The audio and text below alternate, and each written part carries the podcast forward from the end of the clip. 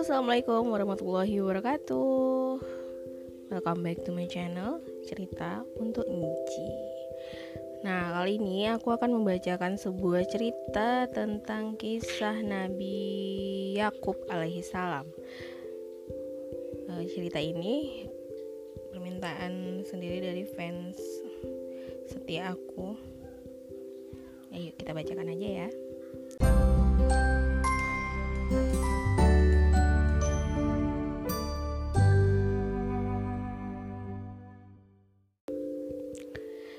Yakub Nabi Yakub seorang pejuang tangguh.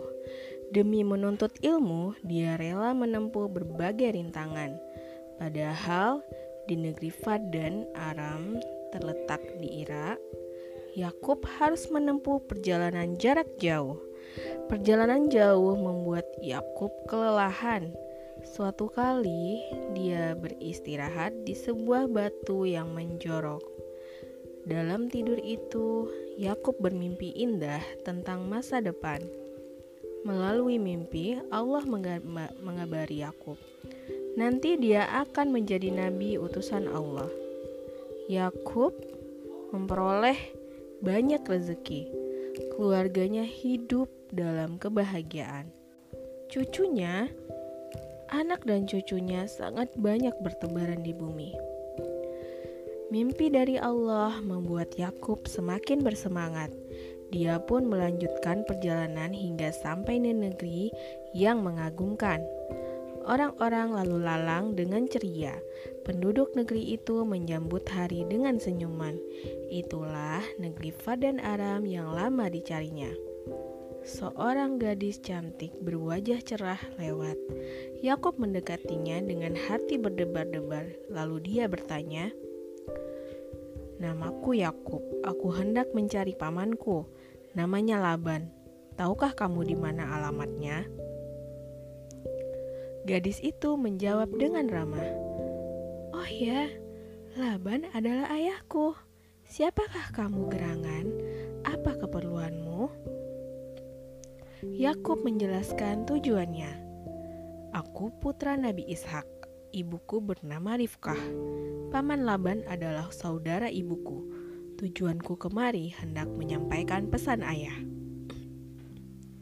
Oh ya, perkenalkan namaku Rahel. Kamu akan kuantar menemui ayah. Gadis itu mengajak ke rumahnya. Akhirnya, Yakub berhasil bertemu pamannya. Ternyata paman Laban cukup kaya raya dia mempunyai rumah yang sangat bagus. Orang-orang miskin sering datang ke sana. Paman Laban menyantuni mereka dengan baik. Paman Laban menyebut Yakub seperti keluarga sendiri. Pemuda itu diberi pelayanan yang baik. Yakub menjelaskan maksud kedatangannya. Aku ke sini atas saran ayahku. Katanya aku bisa belajar dari paman. Yakub mulai belajar pada paman Laban. Pria tua itu sangat bijaksana. Banyak hal yang bisa diambil pelajaran dari akhlaknya. Suatu ketika, paman Laban bertanya, "Yakub, kamu sudah dewasa. Sudah tiba waktunya kamu untuk berumah tangga. Bagaimana pendapatmu?" Di pelupuk mata, Yakub sudah terbayang Rahel. Putri itu sangat terkenal kebaikannya. Tentu menyenangkan punya pasangan hidup yang soleha. Yakub menyambut ajakan pamannya.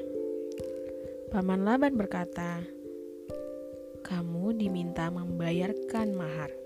Maharmu adalah bekerja mengurus peternakan selama tujuh tahun. Apakah kamu sanggup?" Setiap pria yang hendak menikah harus membayar mahar. Itu pertanda dirinya siap bertanggung jawab. Mahar itu bisa berupa pemberian harta benda. Mahar bisa juga berupa pekerjaan atau jasa. Insya Allah, Paman, aku sanggup melaksanakannya, ujar Yakub. Paman Laban sangat gembira. Baguslah, kamu pemuda yang bertanggung jawab kamu sudah bisa memulai bekerja, mengurus peternakan. kita akan segera urus pernikahanmu dengan dengan Laya. Yakub terperanjat. Tampak kekecewaan di wajahnya. Paman Laban terheran. Apa yang membuatmu terdiam? Adakah yang membuatmu kurang senang? Yakub berterus terang. Aku mengira akan menikahi Rahel. Paman Laban memahami kekecewaan itu. Dia berkata, "Aturan di sini anak pertama yang harus menikah dulu. Tapi jangan khawatir. Setelah menikahi Laya, kamu bisa menikahi Rahel. Syaratnya, kamu bekerja tujuh tahun lagi di peternakan. Itulah mahar tambahannya." Demikianlah aturan yang berlaku pada masa itu. Anak perempuan pertama harus menikah duluan. Dua perempuan bersaudara boleh dinikahi sekaligus. Tapi bagi umat sekarang tak berlaku demikian. Yakub bekerja dengan sangat baik. Dia berhasil melalui masa kerja tujuh tahun. Maka tibalah waktunya dilangsungkan rencana awal yaitu Yakub dinikahkan dengan Laya. Selanjutnya, Yakub menunaikan janji kedua. Dia kembali bekerja mengurus peternakan selama tujuh tahun. Yakub menyelesaikan pekerjaan dengan sangat baik. Paman Laban pun memenuhi janjinya, dan akhirnya Yakub menikahi Rahel.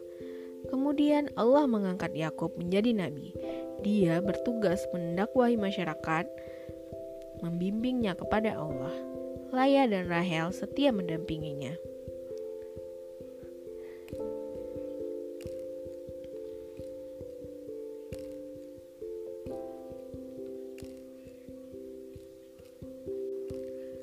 Allah memberi Yakub keturunan yang banyak juga. Istrinya sudah melahirkan anak-anak, namun Rahel tak kunjung hamil. Dia sedih dan meneteskan air mata. Nabi Yakub lalu menghibur istrinya. Bersabarlah, Allah akan mengabulkan doamu. Mari kita berdoa. Nabi Yakub dan Rahel berdoa supaya diberi keturunan yang soleh. Allah pun mengabulkannya. Kemudian Rahel hamil dan melahirkan putra yang tampan, namanya Yusuf. Beberapa tahun setelah itu, Rahel kembali hamil. Ia pun melahirkan putra kedua, namanya Bunyamin. Seluruh anak Nabi Yakub berjumlah 12 orang, semuanya laki-laki. Dengan keluarga besarnya, Nabi Yakub semakin bersyukur. Tapi tiba-tiba Rahel meninggal dunia. Kematian istrinya membuat Nabi Yakub bersedih. Timbullah rasa kasihannya kepada Yusuf dan Bunyamin. Yusuf dan Bunyamin menjadi anak kesayangan. Tetapi anak-anaknya yang lain iri hati, padahal mereka sudah besar. Nabi Yakub sudah merasakan gejala permusuhan itu. Dia tak suka ada perpecahan dalam keluarganya. Suatu kali, Nabi Yakub mengumpulkan sepuluh putranya. Mereka menasihati supaya tidak iri kepada Yusuf. Tidak lupa Nabi Yakub pun berdoa, "Ya Allah, berilah petunjuk kebaikan kepada anak-anakku. Jalinlah persaudaraan di antara mereka. Jangan sampai mereka terjerumus asutan setan." Pada suatu hari yang cerah, Yusuf berkata, Ayah, aku semalam bermimpi aneh. Sebelas bintang, matahari, dan bulan sujud di hadapanku. Apa maksudnya, Ayah? Nabi aku paham makna sebuah mimpi. Anakku sayang, mimpimu luar biasa. Itulah pertanda bagus kamu akan menjadi nabi, kamu akan memiliki kekuasaan yang besar. Nabi, nabi Yakub menjelaskan dengan berseri-seri. Lalu sang ayah pun berpesan, Jangan ceritakan mimpi itu pada saudara-saudaramu ya, cukup ayah aja yang tahu. Yusuf merasa heran dan bertanya, "Kenapa, ayah?" Lalu Nabi Yakub mencium ubun-ubun putranya dengan mata berlinang. Ayah khawatir. setan sangat mudah menyesatkan manusia. Boleh jadi mereka akan mencelakaimu. Berhati-hatilah.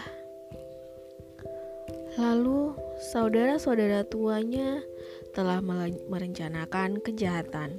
Mereka bersama-sama hendak wisata keluar kota. Yusuf juga diajak ikut serta. Sebenarnya Nabi Yakub tak ingin Yusuf pergi. Dia khawatir kalau Yusuf diterkam binatang buas.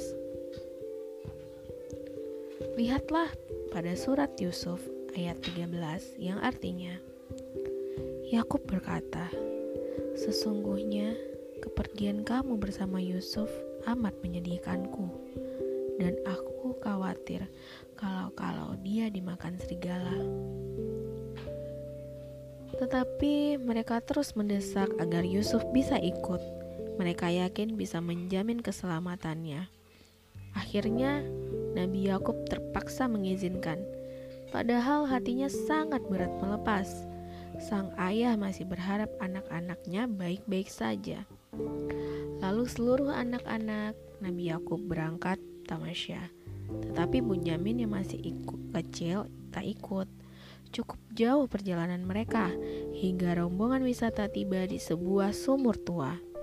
Serta-merta mereka melucuti baju Yusuf, kemudian bocah malang itu dilempar ke dalam sumur. Pakaian Yusuf dirobek-robek, lalu dilumuri darah kambing. Menjelang sore, mereka pulang ke rumah. Wajah mereka sangat sedih. Mereka mengabari Yusuf telah diterkam serigala. Mereka menyodorkan baju yang robek dan berlumuran darah. Dengan gemetaran Nabi Yakub menerimanya. Dia berkata, "Ini pakaian putraku, Yusuf." Nabi Yakub menciumi bau baju itu berulang-ulang. Sayang sekali, di masa tua Nabi Yakub amat menderita. Dia sering menangis mengingat nasib putranya hingga matanya menjadi kabur. Siang malam ia berdoa kepada Allah. Nabi Yakub bermohon agar bertemu kembali. Tapi entah kapan ia bisa bertemu Yusuf.